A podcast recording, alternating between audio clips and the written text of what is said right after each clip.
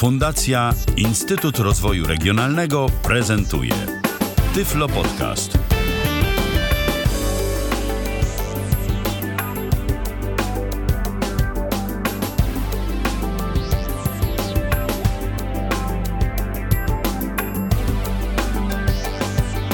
Dobry wieczór. W kolejnym odcinku Tyflo Podcastu witam Państwa serdecznie. Ala Witek. Jak zwykle bardzo się cieszę, że zechcieli Państwo spędzić e, czas w towarzystwie Tyflo Radia. E, dziś będziemy rozmawiać o serwisie Świetlikowo, a Państwa i moim gościem jest e, pani Karolina Husakowa. Witam Pani Karolino. Witam serdecznie. Dziękuję za to, że zechciała Pani przyjąć zaproszenie do Tyflo Podcastu. Zanim zaczniemy rozmawiać o serwisie Świetlikowo, chciałabym przypomnieć Państwu, że jeśli będą Państwo mieli ochotę zadawać e, w trakcie audycji pytania Pani Karolinie, można to robić na dwa sposoby. Po pierwsze, poprzez komunikator Skype na tyflopodcast.net, a także e, pod stacjonarnym numerem telefonu 123 834 835. Serdecznie zapraszamy do kontaktu. E, w takim razie myślę, że możemy już e, przejść do meritum e, naszego dzisiejszego podcastu. Chciałabym na początek, żeby opowiedziała Pani troszeczkę o tym, skąd wziął, wziął się sam pomysł na serwis świetlikowo, może słów kilka o jego założycielach, w jakich ramach ten projekt działa, tak żeby możliwie przybliżyć naszym słuchaczom samą e, istotę i, i też e, samą inicjatywę tego projektu. Wie Pani co, pomysł tak naprawdę wziął się z mojej praktyki. Ja na co dzień pracuję w Regionalnej Fundacji Pomocy Niewidomym i jestem psychologiem, który opiekuje się słabowidzącymi i niewidomymi dziećmi. Często przychodzili do mnie też rodzice, którzy pytali, co takiego mogę dać swojemu dziecku, żeby mogło korzystać z komputera, na jakich grach mogło się opierać, w co mogło grać, czy są jakieś gry dostępne online, czy jest cokolwiek, co może moje dziecko robić na komputerze. No i wtedy ja oczywiście przeglądałam sieć, szukałam, czy są gry dostosowane do potrzeb dzieci słabowidzących. I bardzo często okazało się, że niczego takiego nie ma. Nie ma ani gier, które miałyby zwiększony kontrast, nie było też gier, które były z powiększonymi obrazkami czy z pogrobionym konturem. No i w ten sposób tak naprawdę prawie dwa lata temu zrodził się pomysł na stworzenie całej platformy, która dostosowałaby się do potrzeb dzieci słabowidzących, czyli oferowała gry, które w zależności od ich potrzeb stają się takie, jak one jakby potrzebują faktycznie. E, no i wtedy zebrałam całkiem sporo różnych ludzi, w tym tak naprawdę dwie tyflopedagogzki, które na co dzień pracują też w fundacji, Zebrałam też e, osobę, która sama jest e, osobą właśnie słabowidzącą, a jednocześnie jest psychologiem, więc potrafiła nam powiedzieć, jak mamy dostosować gry, też dawała cenne uwagi na temat e, dostosowania. I też to, co chciałam stworzyć, to tak naprawdę miejsce, gdzie jest baza artykułów dedykowana rozwojowi widzenia. Jakby zarówno pod kątem dzieci słabowidzących, jak i pod kątem dzieci całkowicie zdrowych ale żeby one zadbały jakby o higienę oczu w kontakcie z komputerem, w kontakcie z różnymi urządzeniami elektronicznymi. No i tak mniej więcej działa świetlikowo, czyli z jednej strony jest ogólnodostępną bazą informacji branżowych, y, artykułów na temat widzenia, a z drugiej strony tak naprawdę platformą, która oferuje gry dostosowane do potrzeb wzrokowych dzieci i rozwijające umiejętność widzenia. Jasne. E, tutaj e, chciałabym zapytać w takim razie, powiedziała Pani, że e, jest to platforma zawierająca gry.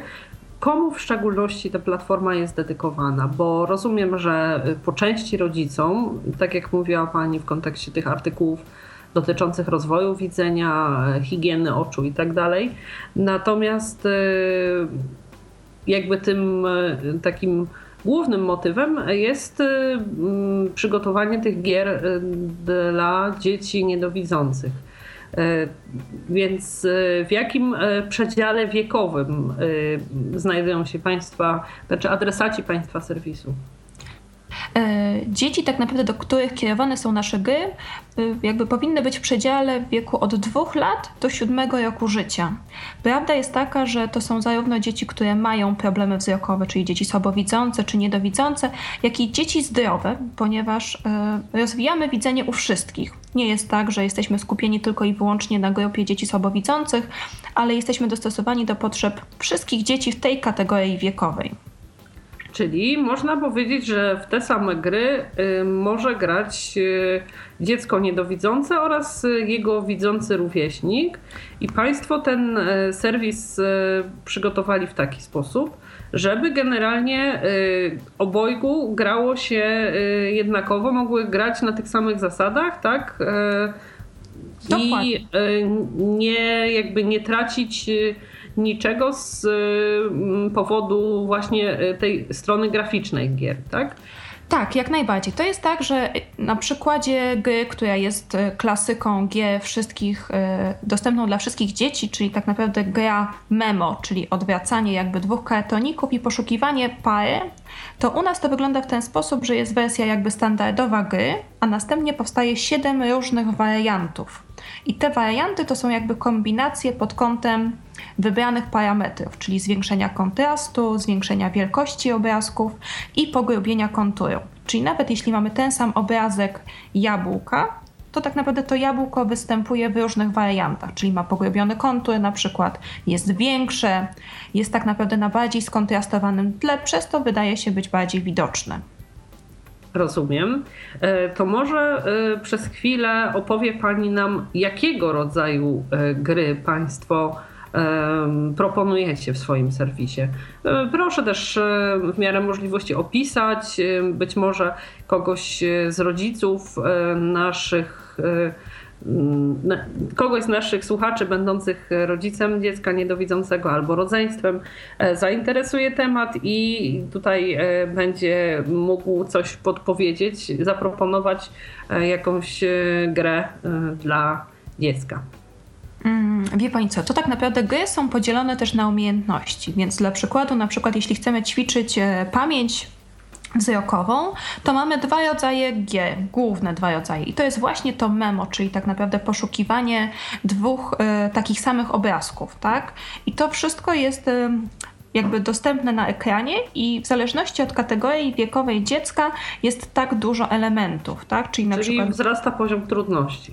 Tak, dokładnie. Czyli na przykład dla dziecka w wieku, nie wiem, dwóch lat tych kartoników jest tylko 6, 8, tak? A później dla dziecka, które na przykład ma już lat 7, to tych kartoników jest załóżmy 26 czy nawet więcej. Yes. Kolejną e, grą, na przykład, która dostępna jest na naszym e, portalu, to jest gra, którą my nazywamy potocznie znikanie.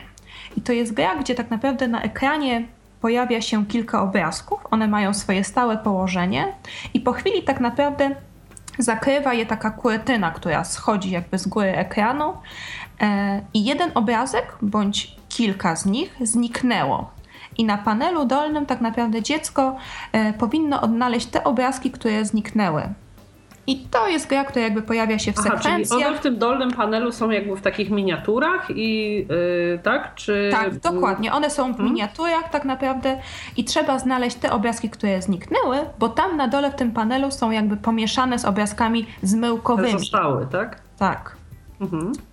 Więc... Pojawiło, się, pojawiło się w międzyczasie pytanie od naszego słuchacza. Rafał y, wysłał takie pytanie na naszego radiowego Skype'a y, o to, co z dostępnością tych gier dla y, całkowicie niewidomych użytkowników. Czy jest możliwe, aby osoba całkowicie niewidoma również była w stanie zagrać w tego typu gry, czy to są produkcje przeznaczone tylko dla słabowidzących? Na ten moment tak naprawdę jesteśmy przygotowani tylko i wyłącznie dla słabowidzących. Jest tak, że w moim umyśle y, cały czas mam z tyłu głowy osoby niewidome i zastanawiam się tak naprawdę nad tym, jak mogłoby to być możliwe, żeby na przykład opisać te gry albo zjawić jakąś audiodeskrypcję tak naprawdę, żeby te osoby też mogły zagrać. Ale na ten moment no, jesteśmy y, niestety dedykowani tylko osobom, które jakby korzystają ze wzroku, czy słabowidzącym, czy tam osobom, które nie mają problemu wzrokowego. Mhm. E, mówiła Pani o. E, dziękujemy bardzo Panu Rafałowi za pytanie. E, mówiła Pani o tych pierwszych grach, które służą ćwiczeniu pamięci wzrokowej. Jakie są kolejne, inne? Kolejne gry na przykład dla umiejętności stałości spostrzegania, tak? czy to kształtu, czy koloru, czy obrazku, to jest na przykład tradycyjne też domino tak? Czyli tak naprawdę poszukujemy znowu tych samych obrazków i albo e, w tym samym kolorze, albo dokładnie tego samego obrazka, albo na przykład cienia tego obrazka i dokładamy tak naprawdę w sekwencji domino, tak naprawdę, więc Kawałek jest... po kawałeczku, tak? Do tak, kawałek wężyka. po kawałeczku, do wężyka, dokładnie. Mhm. I też jest tak, że y, może też być opcja jakby układania tego klocka, czyli jakby obracania go pod kątem, tak? Żeby tak naprawdę zauważyć, że w momencie, kiedy on się obróci, że ten obrazek jest nadal taki sam i jakby, jak go można tam obrócić. Y, kolejną z G na przykład są też tradycyjne puzzle, czyli też układanie obrazka składającego się z wielu elementów. E, puzzle u nas tak naprawdę są w dwóch kategoriach. To są albo zdjęcia, albo tak naprawdę obrazki graficzne stworzone przez e, jakby naszą graficzkę. E, na przykład następną też grą, która ćwiczy umiejętność syntezy i analizy wzrokowej, to są gry, które my nazywamy mozaikami. Czyli też podobnie działające jak puzzle, ale jakby już takich elementów prostszych, tak? czyli kształtów figur geometrycznych, dziecko składa konkretny obrazek. To może być obrazek na przykład rakiety, kwiatka, może jakiejś ryby. Aha. Czyli e, tutaj bardziej chodzi e, o nie tyle e, dopasowywanie do siebie poszczególnych elementów, co ujęcie jakiejś całości, tak? Czy tak, dokładnie. To wygląda w ten sposób, na przykład, że mamy taki e, znak wodny na ekranie i tam jest e, jakby zarysowany kształt tego obrazka, który chcemy złożyć. I dziecko tak naprawdę w panelu, e, to u nas jest zawsze zmienne, bo ten panel może być boczny, czyli albo z prawej, albo z lewej strony, albo może być na górze, albo na dole e, jakby ekranu komputera, żeby też dziecko nie przyzwyczajało się tylko do tego, że z jednej strony cały czas e, ma pojawiające się elementy. No i musi tam znaleźć jakby ten element i dopasować go znowu w odpowiednie miejsce, czyli jakby też złożyć faktycznie z tych części całość obrazka. Rozumiem, że prze, przesuwa ten element odnaleziony w panelu myszką do właściwego. Yy, tak. Do dokładnie. właściwego miejsca. Mhm, myszką, rozumiem. chyba że korzysta jakby z ekranu dotykowego, tak? Mhm. No to wtedy palcem. Jasne. E, czy jeszcze jakieś rodzaje gier, czy już wszystkie? E, Nie, które... to mogę jeszcze wymieniać. Tak, ho, ho. tak, proszę wymieniać. Ho, ho. Ho, ho. No to na przykład kolejną e, grą e, to są takie popularne u nas gry ćwiczące przeszukiwanie wzrokowe.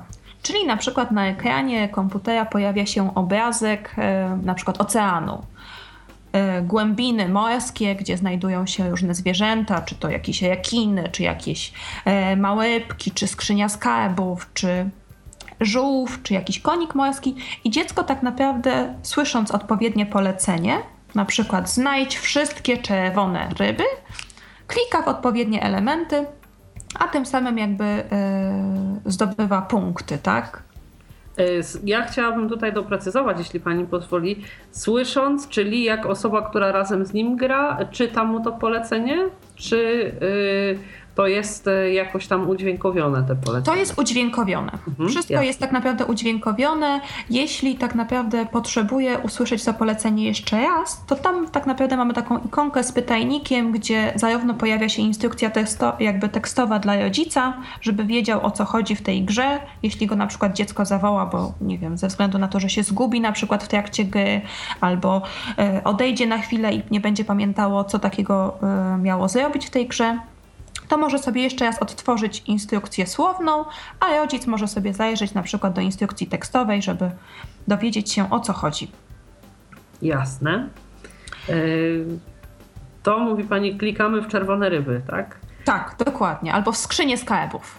Jasne. E, co jeszcze?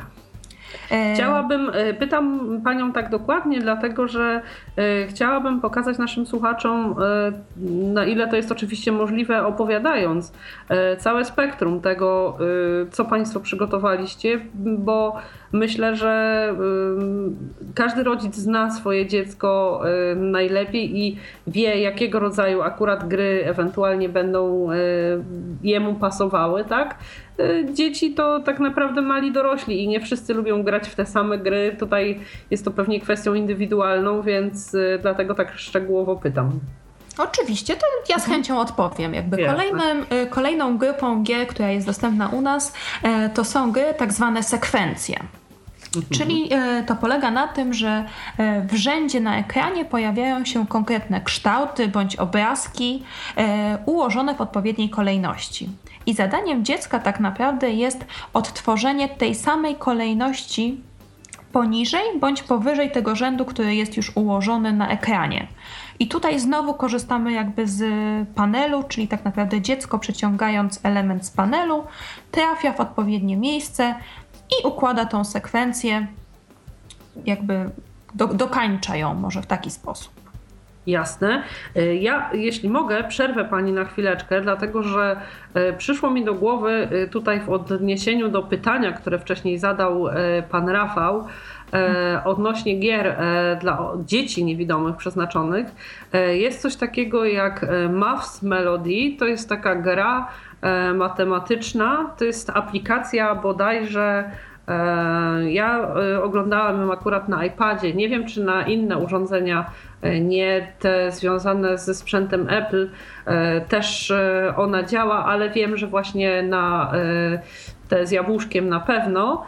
I tam mhm. właśnie są też gry takie, które są zarówno w formie, to znaczy jeden model gry może być wykorzystany i dla dzieci niedowidzących, i dla dzieci e, niewidomych, dlatego że opiera się to na, e, na mm, po pierwsze dosyć dużych obrazkach, a mhm. po drugie, e, gra też jest e, udźwiękowiona w tym kontekście, że na przykład jeśli dziecko liczy zwierzęta, to mhm. one wydają dźwięki i na tej podstawie liczy, ile zwierząt e, znajduje się na ekranie. Jedyny mhm. minus, to znaczy nie wiem czy minus, bo w sumie mm, generalnie dobrze jest, jeśli dziecko przynajmniej na początku gra z rodzicem, jest taki, że wszystkie mm, polecenia i opis fabuły gier jest w języku angielskim, więc tutaj jedyne co panie Rafale mogę podpowiedzieć, jeszcze jeśli będzie pan zainteresowany, to w komentarzach e, gdzieś jakieś wskazówki pod tą audycją mogę, mogę zamieścić. Mm, przepraszam, że tak e, wpadłam pani w słowo, ale po prostu nie chciałam e, jakby zostawić tego na potem, gdzie mogłabym zapomnieć i zostałby pan Rafał generalnie bez odpowiedzi, ale polecam, są to gry stricte matematyczne, natomiast też na bardzo różnym poziomie są e, i całkiem proste zadania polegające tylko na dodawaniu i oczywiście przez jakieś tam odejmowanie, po już takie zadania z jedną niewiadomą i tak dalej, i tak dalej, także tutaj myślę, że też warto się tym zainteresować w kontekście dzieci niewidomych. E, przepraszam, jeśli możemy tutaj kontynuować dalej, to, to bardzo. Oczywiście, że możemy. E, ja już sobie sama zapisałam tak naprawdę i zrobiłam notatkę na moim urządzeniu z jabłuszkiem, A. więc chętnie sobie sprawdzę te gry.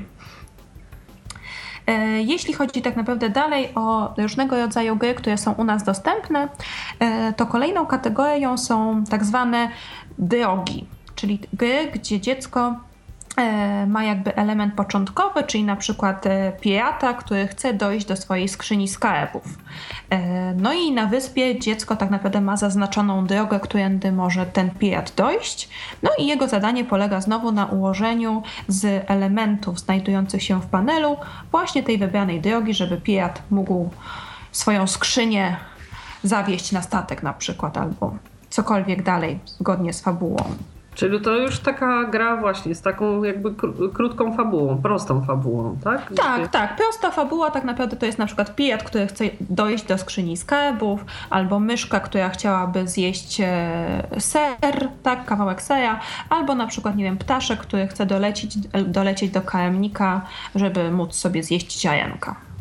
I to jest, polega rozumiem na zapamiętaniu kolejny, jakichś kolejnych etapów tej drogi, tak? Jakiegoś schematu, czy jak to wygląda? Mm, ta droga tak naprawdę znowu korzysta ze znaku wodnego, czyli ona jest jakby ułożona i zadaniem mhm. dziecka jest tak naprawdę odnalezienie odpowiednich elementów tej drogi w panelu. Aha, żeby i ułożenie... wypełnić ścieżkę, tak? Tak, żeby wypełnić ja. ścieżkę. Dokładnie. E, następna na przykład gra, która jest bardzo prosta też, e, to są łaty. Łaty tak naprawdę, czyli gra, która e, polega na tym, że na przykład w danym elemencie ubrania, czy to jest spódnica, czy koszulka, są zaznaczone cieniem, tak jakby taka imitacja otworzą dziury, tak? I zadanie dziecka polega na tym, żeby w odpowiednią dziurę, tak, czy jakby tam zaszyć tą łatę. Czyli Aha, znaleźć... I rozumiem, że w panelu też są różnokolorowe i wielokształtne te łaty i właściwą łatę trzeba dopasować do właściwego ubioru, tak? Do... Tak. Mhm. Tak, dokładnie. E, następna gra, która też jest bardzo prosta, ale w sumie ćwiczy też dość trudną umiejętność, bo wyłanianie figury z tła to są gry, które, e, w których nakładają się na siebie różne elementy. Czyli na przykład, e, jeśli to zrobimy na podstawie kształtów, to są na przykład nakładające się na siebie, e, nie wiem, pięć gwiazdek, do tego jeszcze sześć kół i do tego jeszcze na przykład ze cztery trójkąty. I zadanie dziecka tak naprawdę polega na odnalezieniu odpowiednich kształtów i jakby odnalezieniu ich nawet jeśli są tylko częściowo widoczne. Aha. Czyli jedne figury mogą być przesłonięte przez drugie, czy przesłonięte jakby przez tło, że tylko e, kawałek e, gdzieś tam wystaje, trójkąta tak. lub koła. Mhm. Tak, że jakby wystaje tylko kawałek, albo na przykład to są kształty, które e, w ogóle składają się tylko i wyłącznie z konturów, tak? Czyli jakby to są takie kontury nachodzące na siebie, ale trzeba odnaleźć jakby w którym miejscu jest koło, a w którym miejscu tak naprawdę jest trójkąt, czy gwiazdka, czy serduszko. I jeśli dziecko ten właściwy element odnajdzie, to przenosi, jakoś grupuje, czy tylko zaznacza? Wystarczy zaznaczyć i wtedy tak naprawdę ten element znika. I potem, jakby, y, potem jak dziecko odnajdzie wszystkie elementy, to tak naprawdę pojawia się obrazek końcowy y, z dźwiękiem, na przykład jesteś wspaniały, albo gratuluję, albo ale jesteś spostrzegawczy. Aha. Czyli i to świadczy o tym, że cała plansza została poprawnie, że tak powiem, z, z, jakoś e, zidentyfikowana, tak? E, wszystkie znaki zostały prawidłowo odnalezione. Tak, tak, dokładnie. E, następny rodzaj gier na przykład to są gry, które ćwiczą e, relacje przestrzenne, czyli tak naprawdę zadanie znowu polega na tym, żeby odszukać odpowiedni element, tylko instrukcja tekstowa czy tam słowna jest inna, że na przykład zna trzeba znaleźć wszystkie elementy, które znajdują się obok danego przedmiotu, czyli jeśli wyobrazimy sobie na przykład dziecięcy pokój, obrazek z dziecięcym pokojem, e, w którym jest mnóstwo rozsypanych zabawek. Jest po prostu mówiąc brzydko bałagan. E, I dziecko słyszy polecenie, że ma znaleźć piłkę, która znajduje się obok łóżka. A tak naprawdę piłek jest tam całkiem dużo, ale chodzi nam tak naprawdę tylko i wyłącznie o tą jedną konkretną piłkę, która znajduje się obok łóżka, czyli nie na łóżku, nie na krześle, tylko obok. Żeby dziecko tak naprawdę wiedziało, co to znaczy obok, co to znaczy nad, co to znaczy przed, to też jest y, bardzo pomocne w kontekście, tutaj niedawno y, moim gościem była też y, mm, pani, która opowiadała o różnego rodzaju takich grach, terapii, mm, jakichś bodźcach, takich ogólnie o terapii multisensorycznej, właśnie pod kątem rozwoju orientacji przestrzennej i mówiła, że bardzo e, ważne jest ćwiczenie korelacji takich przedmiotów e, względem siebie, właśnie żeby e, dziecko miało świadomość właśnie tego obok, nad, pod i tak dalej. Nam, osobom dorosłym, dla których kwestie położenia poszczególnych przedmiotów nie sprawiają problemu i są dla nas jakby oczywiste, Tutaj y, nie zawsze mamy świadomość tego, że dla dzieci, zwłaszcza małych dzieci, które mają e, problemy ze wzrokiem, e, jakby poznawanie czy też utrwalanie bardziej e, tych jakby takich kontekstów przestrzennych jest niezmiernie istotne.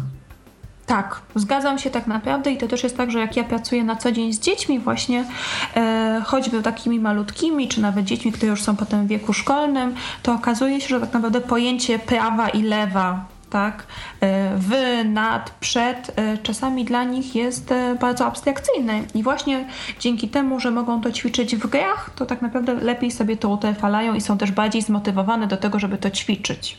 To może ja też poćwiczę, bo mąż ciągle tutaj śmieje się ze mnie, że mam problemy z lateralizacją, więc prawa, lewa jak najbardziej powinnam. To też są u nas takie gry, gdzie tak naprawdę trzeba znaleźć odpowiednie elementy, które są z prawej strony misia, z lewej strony misia, czy jakiegokolwiek innego przedmiotu, więc yy, zachęcamy. Dorośli też chętnie grają w nasze gry. Jasne, to będę musiała spróbować. No, nie sądzę, żeby coś mi jeszcze pomogło, ale, ale generalnie myślę, że też i dla e, samej e, ciekawości. Przyznam się szczerze, że ja świadomie, jeśli zapraszam kogoś do, do swoich podcastów i ktoś ma o czymś opowiadać, o jakimś serwisie, o jakimś narzędziu i tak dalej, staram się nie oglądać go przed, a raczej po. Oczywiście poczytam, przygotowując się i tak dalej, mhm. ale y, chcę być w położeniu mojego słuchacza, w sensie takim, że y, kiedy słucham tego, co pani opowiada, chcę mieć tą samą niewiedzę, którą ma mój słuchacz, dlatego nie próbowałam grać w Państwa gry, żebym y, mogła zadać pytania zbliżone do tych, jak mi się wydaje, które, które zadawaliby moi słuchacze, ale tutaj w wolnej chwili po podcaście na pewno spróbuję, bo y, szczerze powiem, jestem bardzo zaciekawiona, y, a ponieważ ja tutaj no, widzę właściwie prawie nic, więc jestem ciekawa, czy, czy cokolwiek w tych wariantach, które Państwo proponują z jakimś tam dużym kontrastem, e, cokolwiek uda mi się zobaczyć, więc e, jakby tutaj myślę, że, że ewentualnie spróbuję zwrócić uwagę na te gry też, które właśnie tą e, lateralizację pomogłyby ćwiczyć, jeśli, jeśli dam radę. Właśnie, jak to jest, bo tak naprawdę też ile osób słabowidzących, tyle, tyle modeli, sposobów widzenia, sposobów patrzenia, Rozumiem, że y, przez to, że przygotowali Państwo ileś tam tych wariantów gier, y, można sobie mm, dopasować taki swój schemat, tak? E, to wygląda w taki sposób, że tak naprawdę dziecko w momencie, kiedy rodzic zakłada mu konto na naszym e, portalu, przechodzi tak zwaną grę testową. Ta gra testowa jest e, dla wszystkich taka sama, czyli tak naprawdę czy dziecko ma 2 lata, czy dziecko tak naprawdę ma 7 lat, ma te same zadania. Te zadania są bardzo proste, bo tak naprawdę pojawiają Nie się... Nie chodzi na... o grę, tylko o y, diagnozę jakby, tak? E, tak, czyli jakby określenie, mhm. jakie parametry są mu potrzebne, tak? Czyli mhm. czy potrzebuje zwiększony kontrast, czy potrzebuje zwiększoną wielkość, czy potrzebuje pogłębienie konturu. Bądź kombinację tych, y, jakby jakąkolwiek kombinację tych trzech. E, I zadanie jest jakby proste, bo na przykład to są pojawiające się elementy i dziecko słyszy pytanie, co to jest. E, I zawsze to dziecko wykonuje tą grę testową z rodzicem, bo tak naprawdę to rodzic zaznacza, czy odpowiedź jest prawidłowa. Jasne. Tak, żeby jakby też zweryfikować e, i żeby też rodzic przypilnował, z jakiej odległości dziecko wykonuje E, jakby tą grę, bo prawda mhm. też jest taka, że jak testowaliśmy grę i do tej pory testujemy gry z dziećmi słabowidzącymi, czy nawet z dorosłymi osobami z dysfunkcją wzroku, no to tak naprawdę osoby często przybliżają się bardzo mocno do ekranu, to jest dystans, nie wiem, 10 cm, czasami 15 cm, e, w zależności też od tego, jaki mają sprzęt, tak? jaka jest wielkość e, ekranu.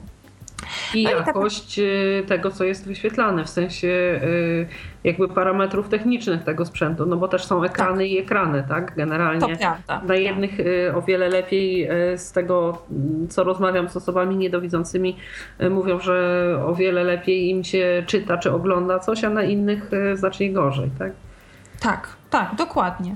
E, no i też jest tak, że jak dziecko wykonuje tą grę testową, no to wtedy e, w zależności od tego, ile miało prawidłowych odpowiedzi, tak? czyli na ile e, prawidłowo odpowiedziało na te pytania, co takiego się pojawiło, albo wskazało, gdzie jest miś, czy gdzie jest piłka, takie dostanie parametry.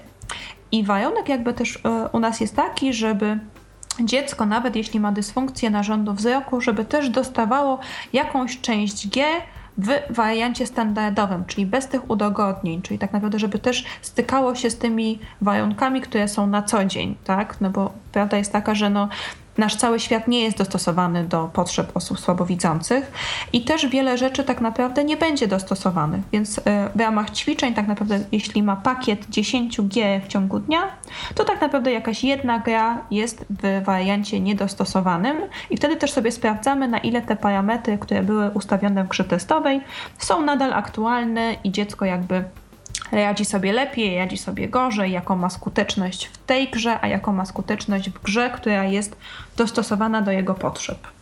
Czyli to jest e, taka jakby e, forma śledzenia postępu. E, w, można jakby na podstawie tej gry, w tej wersji standardowej, oczywiście na podstawie tych gier, które są jakby do dostosowane, dopasowane do potrzeb konkretnego dziecka też, ale też jakby takim e, miarodajnym, obiektywnym e, testem jest ta gra e, bez tych, że tak powiem, udogodnień. I tutaj możemy na jej przykładzie stwierdzić, jakie postępy grając w, w Państwa gry E, dziecko w określonym czasie poczyniło, tak? E, prawda jest taka, że my monitorujemy postępy dziecka e, patrząc na 300 ostatnich zagranych gier.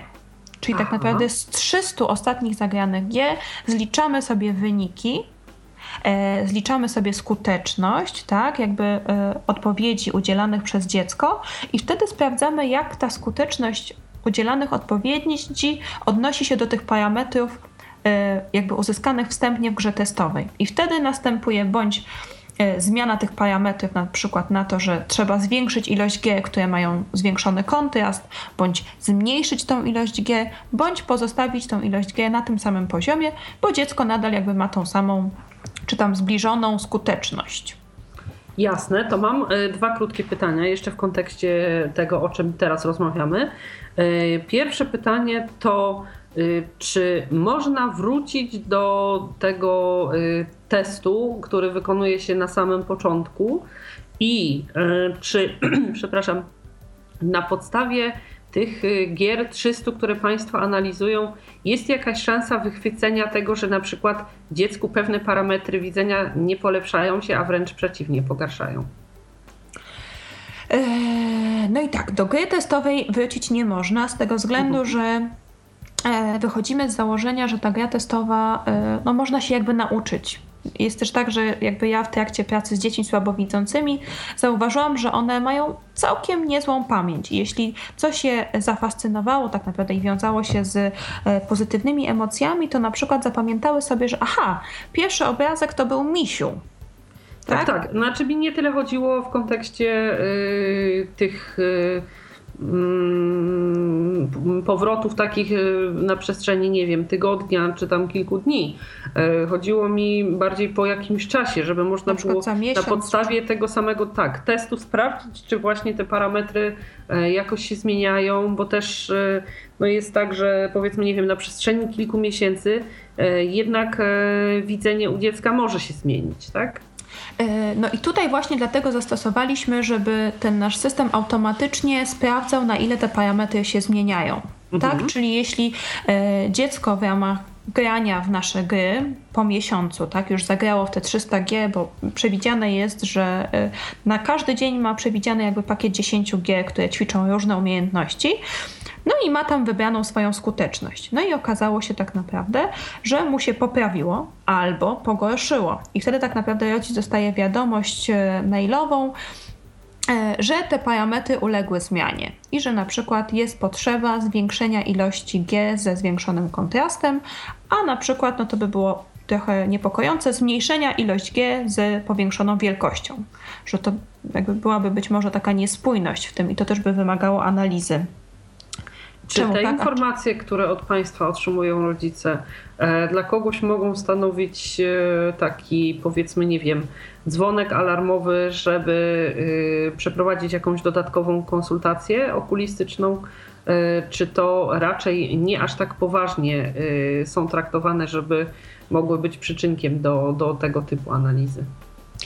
E, wie Pani co, no ja sama się zastanawiam tak naprawdę, bo myślę, że jeśli e, dziecko osiągało bardzo dobre wyniki i nagle z jakiegoś względu e, ma potrzebę zwiększenia kontrastu i ma potrzebę zwiększenia obrazków i pogłębienia konturu, to myślę, że jak najbardziej to jest powód do tego, żeby odwiedzić specjalistę, czy to terapeutę wzroku, czy tyflopedagoga, czy okulistę, bo tak naprawdę jestem zdania, że regularne wizyty u lekarzy i profilaktyka jest y, kluczowa, tak? Lepiej zapobiegać i wyłapywać w zalążku, aniżeli potem, jak już są poważne konsekwencje.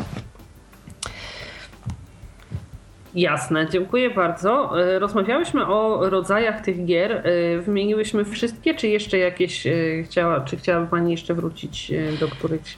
E, myślę sobie, że jeszcze warto zaznaczyć jeden tak? rodzaj gier, który mm, polega na tym, że na ekranie pojawiają się różne obrazki, i one zaczynają się na przykład przemieszczać. E, czyli na przykład, nie wiem, z lewej strony ekranu pojawia się e, wieloryb i on sobie płynie powoli na przykład po ekranie i potem znika z prawej strony ekranu. E, to są gry, które dedykowane są na tyle, na ile to jest możliwe, oczywiście na ekranie komputera, czy tam, nie wiem, rzutnika, czy telewizora, czy czegokolwiek, co będzie wykorzystywało dziecko. Ćwiczą one motorykę gałek ocznych co jest jakby też szczególnie ważne przy dysfunkcjach właśnie związanych, nie wiem, z polem e, widzenia. Tak, tak z polem widzenia dokładnie, czy właśnie z zezem, czy z e, tym, że dziecko na przykład jest jednooczne, tak? To tak naprawdę w ramach ćwiczenia tego oczka słabszego powinno właśnie wykonywać tego rodzaju ćwiczenia. E, a na czym polega to ćwiczenie tej motoryki, sama ta motoryka? Bo nie wiem, polega na tym, żeby te ruchy były bardziej płynne, y, żeby y, poprawić te fiksacje na tyle, że w przypadku osób z polem ograniczonym widzenia, żeby jak największy obszar był tym, tym tą lunetą, tak? Jeśli to tego typu są zaburzenia, czy jeśli jest jakieś pole widzenia boczne, to na odpowiednim e, ustawianiu e, tej gałki ocznej, gdyby Pani była e, w stanie mi i słuchaczom troszeczkę jakby wytłumaczyć, bo tutaj szczerze mówiąc jakby jestem bardzo zaciekawiona, jak to w praktyce wygląda. No w praktyce to wygląda tak naprawdę tak, że rodzic powinien poniekąd przypilnować trochę dziecko, żeby ono w momencie, kiedy śledzi poruszający się przedmiot, przedmiot miało nieruchomo głowę. Tak, bo jakby nasz naturalny odruch jest taki, że nawet jeśli śledzimy jakiś przemieszczający się e, element, czy to jest obrazek, czy to jest faktycznie obiekt w rzeczywistym życiu, to najczęściej poruszamy całą głową, a wtedy nie ćwiczymy tak naprawdę motoryki gałek ocznych. Więc jeśli rodzic zadba o to, aby ta y, głowa dziecka w trakcie tej gry była w miarę nieruchomo, y, no to tak naprawdę ta gra polega na tym, że dziecko podąża wzrokiem za tym elementem.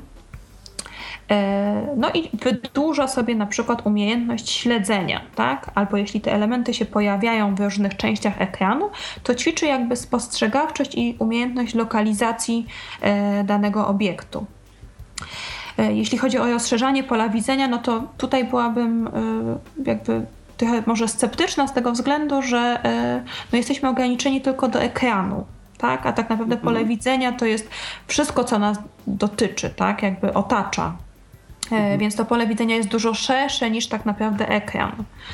E, I też jest tak, że jeśli na przykład są dzieci, które mają niedowidzenie z jakiegoś powodu w jednym oku, to tak naprawdę ta motoryka gałek ocznych e, być może powinna być ćwiczona właśnie w tym oku słabszym, tak? Czyli jeśli zakleimy oko dominujące, no to słabsze oko tak naprawdę, które na przykład ma, nie wiem, E, słabsze mięśnie, pojawia się e, zes, czy to zbieżny, czy rozbieżny, to tak naprawdę wtedy ma szansę dziecko ćwiczyć sobie e, przywodzenie bądź odwodzenie tej gałki ocznej, a tym samym sprawność całego oka.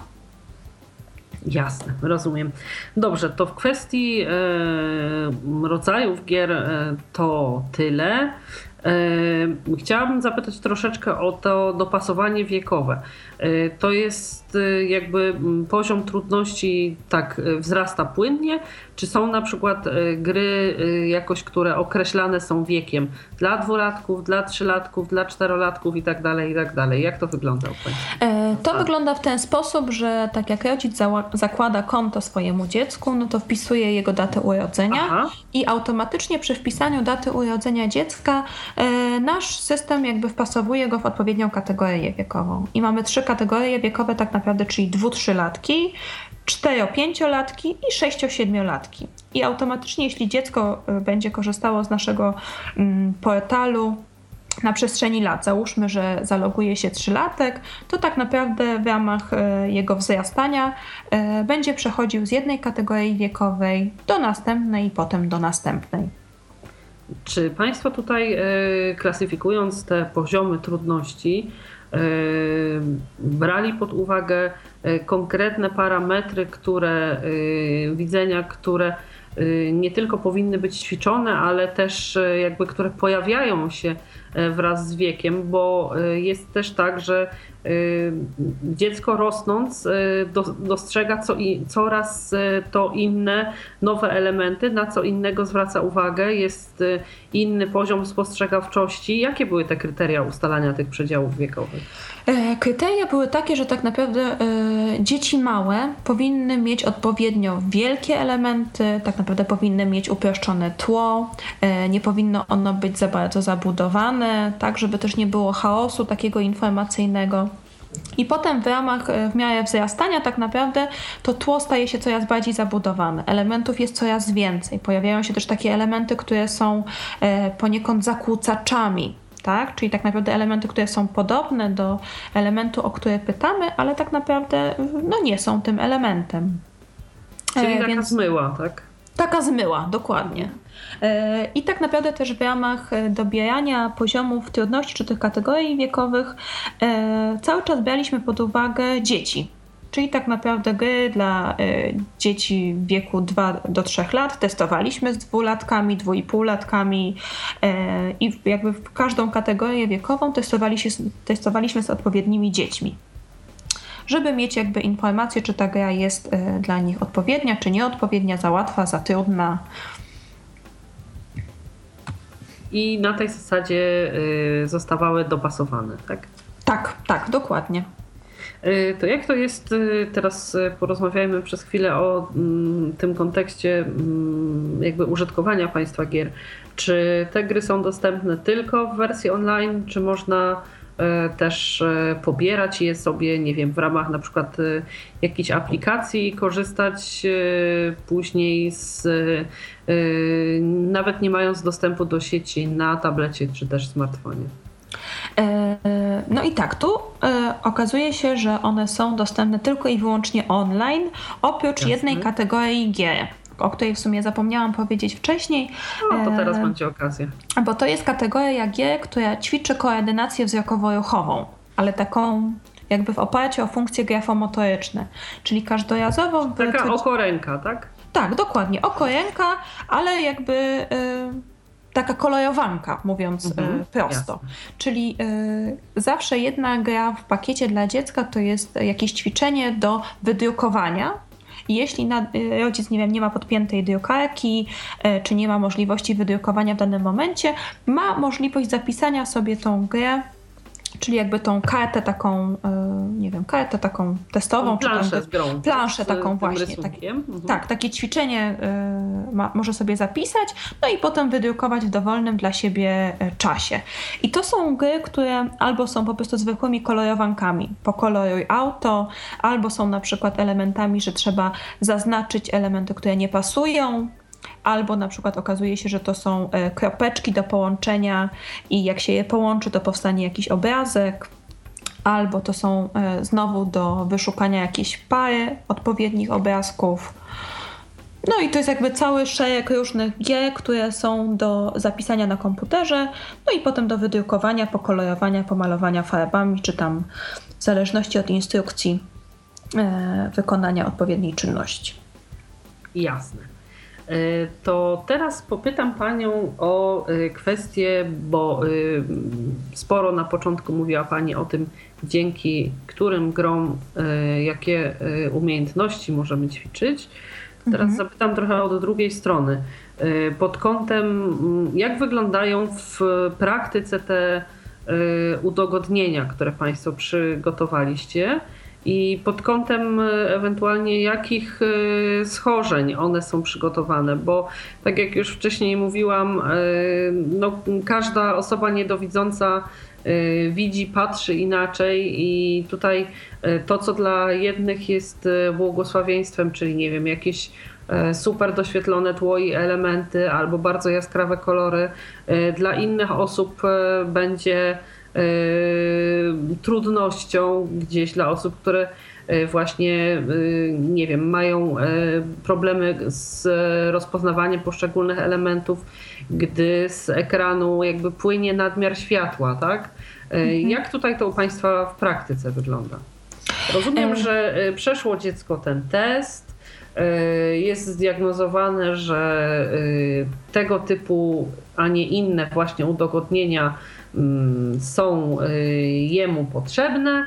I chciałabym, żeby Pani opowiedziała trochę o tych planszach, właśnie mm, jak one y, same z siebie wyglądają, jaka jest ich kolorystyka, y, jak wyglądają właśnie te pogłębione kontury, żeby naszym słuchaczom, którzy z takimi grami nie mieli nigdy wcześniej do czynienia, rzucić troszeczkę więcej światła e, na to, jak, jak właśnie w praktyce te przygotowane przez Państwa e, na jakby udostępnienie tych gier wygląda.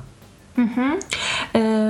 No to tak naprawdę na przykładzie pogłębionego konturu to wygląda w ten sposób, że pojawia się plansza i tutaj tło tej planszy jest jakby uzależnione też od wielu czynników. To może być plansza, która ma po prostu jednolite białe tło, a może być na przykład e, tło, które jest ciemniejsze i na tym tle pojawiają się elementy w zależności od tych parametrów, na przykład właśnie z pogłębionym konturem, czyli mamy na przykład obrazek e, kaczki i ta kaczka ma dość gruby kontur, dzięki czemu tak naprawdę ona się wyłania. Jeśli ten kontur jest e, czarny, a kaczka faktycznie ma kolor żółty, czyli taki jak w rzeczywistości, to e, tło najczęściej jest białe. E, Aha, rozumiem, czyli jakby zarys samej tej postaci po prostu jest obwiedziony taką grubszą linią. To nie jest tak, że ona się wydaje, jakby była troszeczkę wypukła od tego tła, graficznie nie jest to tak zrobione, tylko chodzi o pogrubienie samego tego jej zarysu, tak? Dokładnie, żeby ten zarys był bardziej widoczny i żeby tak naprawdę te charakterystyczne elementy mogły się, nie wiem, bardziej wyłonić, tak, jakby z tego obrazu. E, I to, co jakby nad czym się zastanawialiśmy w momencie, kiedy na przykład, nie wiem, dziecko ma światłowstręt albo, nie wiem, choruje na achromatopsję, e, to tutaj tak naprawdę zaznaczyliśmy bardzo mocno e, na naszym portalu, żeby korzystało z możliwości przyciemniania E, jakby jasności monitora, tak? Bo nasze gry są na tyle uniwersalne, że e, nie potrafią się dostosować aż tak bardzo do konkretnego dziecka, czyli nawet jeśli ono ma achromatopsję i trafi na grę, która ma białe tło, a tym samym na przykład dla niego to już będzie zbyt męczące, e, bo będzie emitowało zbyt wiele światła, to zachęcamy tak naprawdę rodziców, a tym samym też dzieci do uczenia się samodzielności jakby przy obsłudze sprzętu komputerowego, tak? Czyli żeby sobie znaleźć, w którym miejscu mogę sobie przyciemnić e, ekran. Jasne, rozumiem. Oczywiście w przypadku dwu czy trzy latka to y, tutaj chyba jednak rodzic musi bardziej być świadom tego, gdzie przyciemnić ekran i w ogóle mieć świadomość tego, że trzeba to zrobić, bo y, nie sądzę, żeby dwulatek z jakiegokolwiek polecenia mógł się tego domyślić i sam y, tak. sam generalnie to zrobić, tak? Więc a mówi pani, że z tymi białymi tłami jest kwestia przyciemnienia ekranu to ja tutaj spytam jakby od swojej strony, bo mi osobiście, jeśli już e, coś jestem w stanie dostrzec na jakimkolwiek tle, to e, elementy jaśniejsze na tle ciemnym. Czy mhm. mają Państwo możliwość e, takiej inwersji właśnie, czy nie? Wie Pani co, niektóre elementy tak. Jest tak, że mhm. niektóre gry są właśnie na ciemnym tle, pojawiają się jasne elementy. Czyli e, rozumiem, że gdybym ja będąc dzieckiem przechodziła taką e, diagnozę, to gdzieś tam miałabym dopasowane te gry w ten sposób, że większość trafiałabym tych, które są z tym ciemnym tłem e, jaśniejsze elementy, tak? Obawiam się, że nie, niestety. Aha. Obawiam się, że nie, bo tak naprawdę jeśli by e, to, co było sprawdzane w grze testowej, to tak naprawdę byłoby sprawdzane to, czy potrzebuje Pani zwiększony kontrast, to, czy potrzebuje Pani powiększoną wielkość i to, czy potrzebuje Pani pogłębienie konturu. Niestety w grze testowej tak naprawdę nie były uwzględnione właśnie jakby parametry, czy ciemne na jasnym, czy jasne na ciemnym. To jest coś, nad czym e, pracujemy ale co na ten moment jakby nie jest możliwe. Czyli pani by dostawała zarówno gry i takie, i takie. Bo niektóre tła są e, bardzo mocno zabudowane. To jest na przykład tło z farmą, to jest tło z oceanem. I tam pojawiają się na przykład w oceanie, jeśli mamy granatowe bądź błękitne tło, to pojawiają się zarówno elementy, które są i ciemniejsze, i jaśniejsze. E, no i wtedy pewnie by też wyszło, które elementy i jaka e, pani zauważa, a które pani nie zauważa. Albo też e, można byłoby, jeśli by pani była dzieckiem i grałaby pani z terapeutą, to on by zauważył, jaka odległość obserwacji jest przy jednych elementach, a jaka odległość obserwacji jest przy drugich. Rozumiem. E, dobrze, to mm, porozmawiajmy, mówiła Pani e, o kontrastowych, e, o obwiedzionym tle, o konieczności przyciemniania ekranu. Kontrastowe to rozumiem, że kontrastujące i względem tła, i względem siebie, i te kolory wtedy są takie jakby bardziej żywe, tak, żeby kontrastowały ze sobą. Na różnym poziomie jasności też, tak? E, tak, na różnym poziomie jasności też. E, okazuje się tak naprawdę w ramach naszych testów, że ten kontrast to jest e, całkiem trudna sprawa. Mhm. Bo tak naprawdę, jeśli jest dużo elementów, jeśli chcemy, żeby one w miarę odzwierciedlały rzeczywistość, to tak naprawdę ten kontrast czasami jest dość trudno stworzyć, tak? Bo łatwo jest go stworzyć, jeśli mamy na przykład tylko czarne elementy pojawiające się na przykład na białym tle. Tak, albo żółte, czerwone i niebieskie, tak? Otóż to, ale mhm. jeśli tak naprawdę mamy owoce i tych owoców mamy już sześć różnych i one jeszcze są na przykład na straganie, e, to nagle okazuje się, że to jest całkiem trudne zadanie, więc e, wtedy faktycznie zmieniamy nasycenie tych kolorów, e, staramy się tak dostosować tło i jakoś nim pomanipulować, żeby one były jak najbardziej widoczne. Jasne. E, o kontrastach było, myślę, że zwiększonych elementów e, nie trzeba jakoś specjalnie tłumaczyć. To porozmawiam e, z Panią przez chwilę, jeśli Pani pozwoli, o tych jakby elementach, umiejętnościach mentalnych, nie stricte wzrokowych, tylko mentalnych, które korzystanie z Państwa gier poprawia, bo wiem, że i pod tym kątem Państwo staraliście się przygotować gry, żeby nie tylko wspierały ten e, rozwój stricte widzenia i e, jakby umiejętność korzystania z tego zasobu wzroku, który dziecko jeszcze posiada, ale też, żeby wspierało taki ogólny rozwój właśnie mentalny, intelektualny. E, tak, jeśli chodzi tak naprawdę o rozwój tych funkcji poznawczych, to e, przy okazji naszych gier dzieci mogą e, ćwiczyć i kształtować swoją umiejętność koncentracji uwagi. To tak naprawdę, że są zmotywowane do grania, czyli mają słabość właśnie, nie wiem, do tabletów, komputerów czy smartfonów, to mogą ćwiczyć i doskonalić umiejętność koncentracji. Mogą też ćwiczyć umiejętność logicznego myślenia, czyli jakby zastanawiać się, co do czego pasuje. Tak? Jeśli mają stworzyć jakąś kategorię lub pogrupować elementy, bądź na przykład wykreślić sekwencje. elementy. Tak, sekwencje, czy wykreślić elementy, które nie pasują, mhm. to to jest też właśnie umiejętność logicznego myślenia. Tak, już nie wspomnę o spostrzegawczości czy pamięci, która też w sumie jest też umiejętnością wzrokową. Jasne, to y, tutaj za te mm, odpowiedzi bardzo serdecznie Pani dziękuję. Przez chwilę chciałabym porozmawiać o samym serwisie, który oczywiście, mówiąc kolokwialnie, grami stoi, ale nie tylko grami. Y, widziałam tutaj również informacje odnośnie y, konferencji organizowanej przez Państwa, która niedawno się odbyła. Gdyby była Pani uprzejma y, powiedzieć troszeczkę więcej na temat tego, czego owa konferencja dotyczyła, gdzie się odbyła, jakie obejmowała tematy, kim byli prelegenci, żeby tutaj, bo rozumiem, że w bezpośredniej jakby korelacji z prowadzonym przez Państwa serwisem był jakby rdzeń tej konferencji. Tak, jak najbardziej. Konferencja y, odbyła się we wrześniu w Katowicach i y, jakby tytuł konferencji to było Nowoczesne technologie z przymierzeńcem wspomagającym rozwój widzenia. Y, konferencja była dedykowana czy kierowana zarówno do terapeutów prowadzących terapię z dziećmi, jak i do rodziców, nauczycieli przedszkolnych czy szkolnych. I tak jak sam temat konferencji mówi, była poświęcona tematyce łączenia nowoczesnych technologii i tematu widzenia. E, w ramach tej konferencji wystąpili zarówno e, specjaliści z terapii widzenia, czyli tyflopedagodzy, e, jak i w panelu dyskusyjnym wzięła udział pani docent Pojda Wilczek, czyli okulistka, między innymi też pani Dorota Maciaszek, czyli terapeutka widzenia i optometrystka, jak i mama dziecka słabowidzącego. Zresztą też jest tak, że w ramach tej konferencji były dwa wykłady i jeden taki panel dyskusyjny, w którym brało udział kilku różnych specjalistów.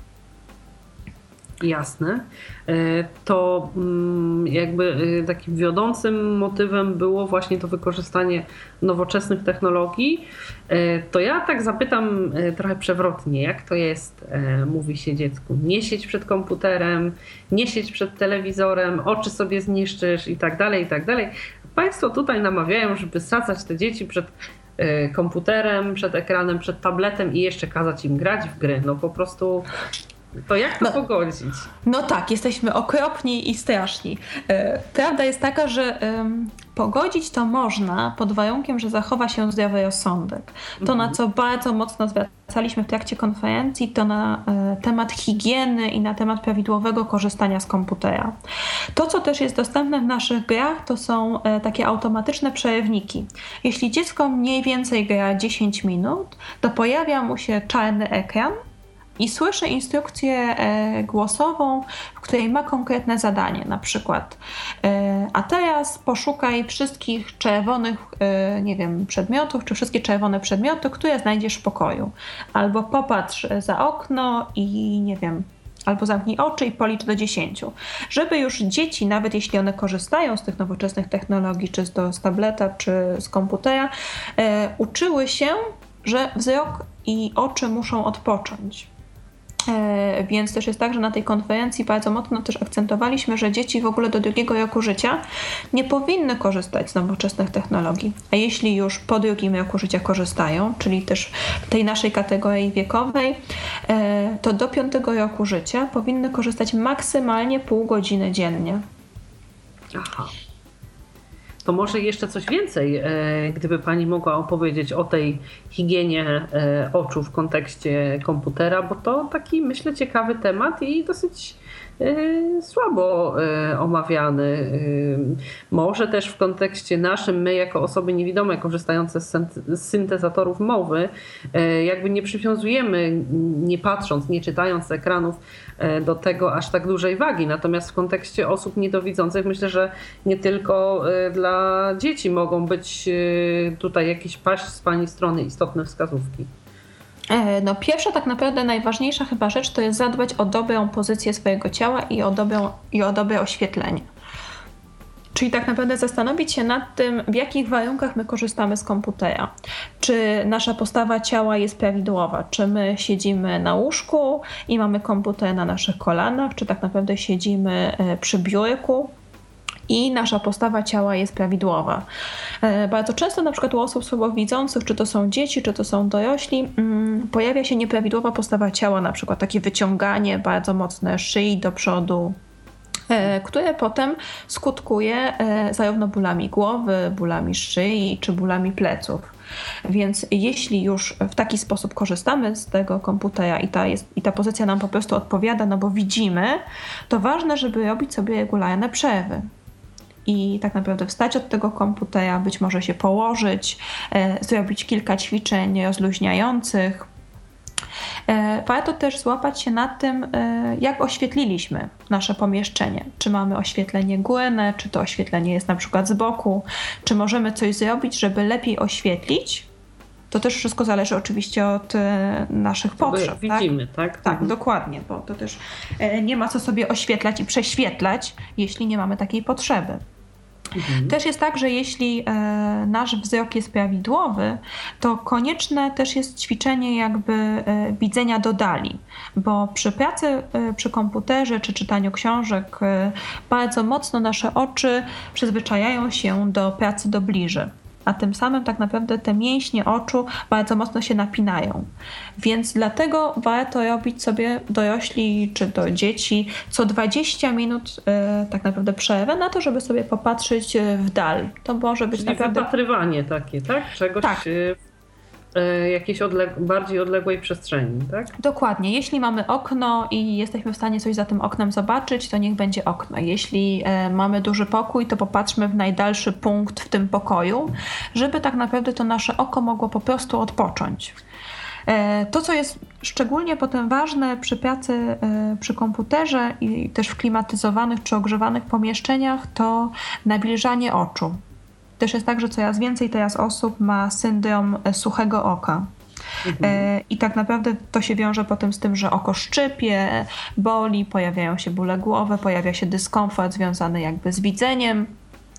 E, więc warto na przykład e, nawilżyć pomieszczenie, pić dużo płynów, e, często mrugać i jakby zamykać te oczy, żeby tak naprawdę oko samo mogło się nawilżyć. Jeśli to nie pomaga, to warto tak naprawdę wybrać się do okulisty i porozmawiać z nim na temat jak najlepszych kropli nawilżających. To mogą być krople, które są po prostu solą fizjologiczną, mogą być sztuczne łzy, mogą być takie żelowe preparaty, które tak naprawdę powodują nawilżenie oka i jakby utrzymywanie się tego nawilżenia przez dłuższy moment. Tak, że jakby nie wyłapu- e, czy tam nie wypływają z naszego oka tak szybko. No tak, bo y, mają taką bardziej zawiesistą konsystencję, więc też y, pewnie i wolniej się wchłaniają, y, więc pozostają dłużej jako taka warstwa nawilżająca. Dobrze, Dokładnie. ślicznie Pani dziękuję za te informacje. E, mają w planie Państwo e, zorganizować również forum. E, dla kogo to forum będzie przeznaczone i z propozycji, tudzież z Państwa planów i zamierzeń, jaka chciała, jak, jaką chciałaby Pani tematykę zaproponować użytkownikom tego forum? E, mamy oczywiście właśnie w planie uruchomienie forum i na ten moment e, czekamy na informacje od rodziców, jakie tematy ich najbardziej interesują. Jest tak, że przeglądając e, wszelkie możliwe tematy czy strony dedykowane rodzicom dzieci słabowidzących, znaleźliśmy tam różne tematy. Czy to jest na przykład organizowanie pomocy szkolnych dla dzieci słabowidzących, czy tak naprawdę poszukiwanie odpowiedniego terapeuty wzroku, czy e, baza placówek, które oferują terapię wzroku, to to są tematy, z którymi my się spotykamy i możemy zaproponować do stworzenia tego forum. Ale też jest tak, że bardzo nam zależy na tym, aby to rodzice sami podsyłali nam tematy, żeby to forum było jakby odpowiedzią na ich potrzeby, żeby nie tworzyć e, takiego sztucznego bytu, w którym tak naprawdę nie będzie się nic działo więc e, dlatego bardzo serdecznie zachęcam wszystkich, którzy e, chcą, żeby takie forum się stworzyło, do dopisania tematów, e, propozycji, które uwzględnimy jak najbardziej, żeby forum żyło swoim życiem. Jasne, to zanim zapytam o adres serwisu, jeśli można, chciałabym zapytać o jakąś formę kontaktu dla kogoś, kto być może chciałby podesłać propozycję jakichś tematów.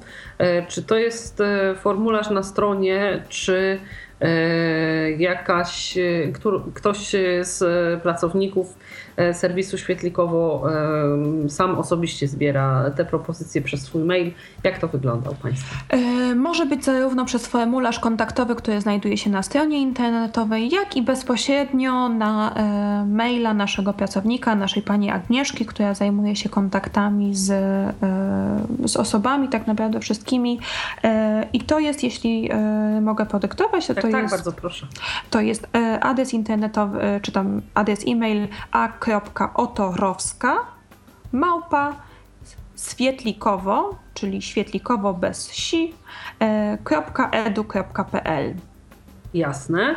I jeśli mogę jeszcze mm, tutaj poprosić o adres samego serwisu, Państwa strony.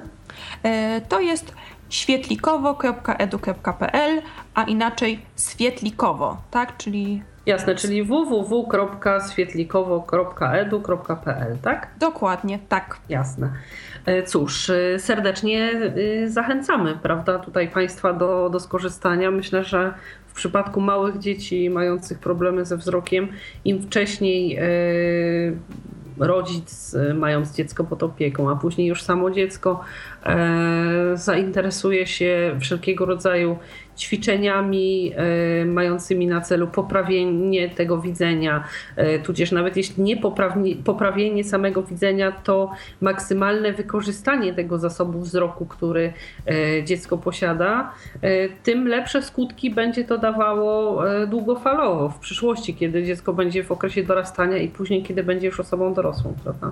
Dokładnie, tak, jak najbardziej. Bo to jest uważam... jak z każdym innym chyba schorzeniem e, czy e, jakimś defektem, dyskomfortem, e, im wcześniej jakby zaczynamy przeciwdziałać, tym mniej dotkliwe są skutki w przyszłości, tak? Tak, dokładnie. I też tak naprawdę tym lepiej uczymy się wykorzystywać tą umiejętność, którą mamy, tak? Czyli nawet jeśli nasz wzrok jest ograniczony, to uczymy się go wykorzystywać na tyle, na ile to jest możliwe. I dlatego warto wykorzystać wszystkie dostępne środki, czy to są tradycyjne formy terapii, specjalistyczny sprzęt, nowoczesne technologie.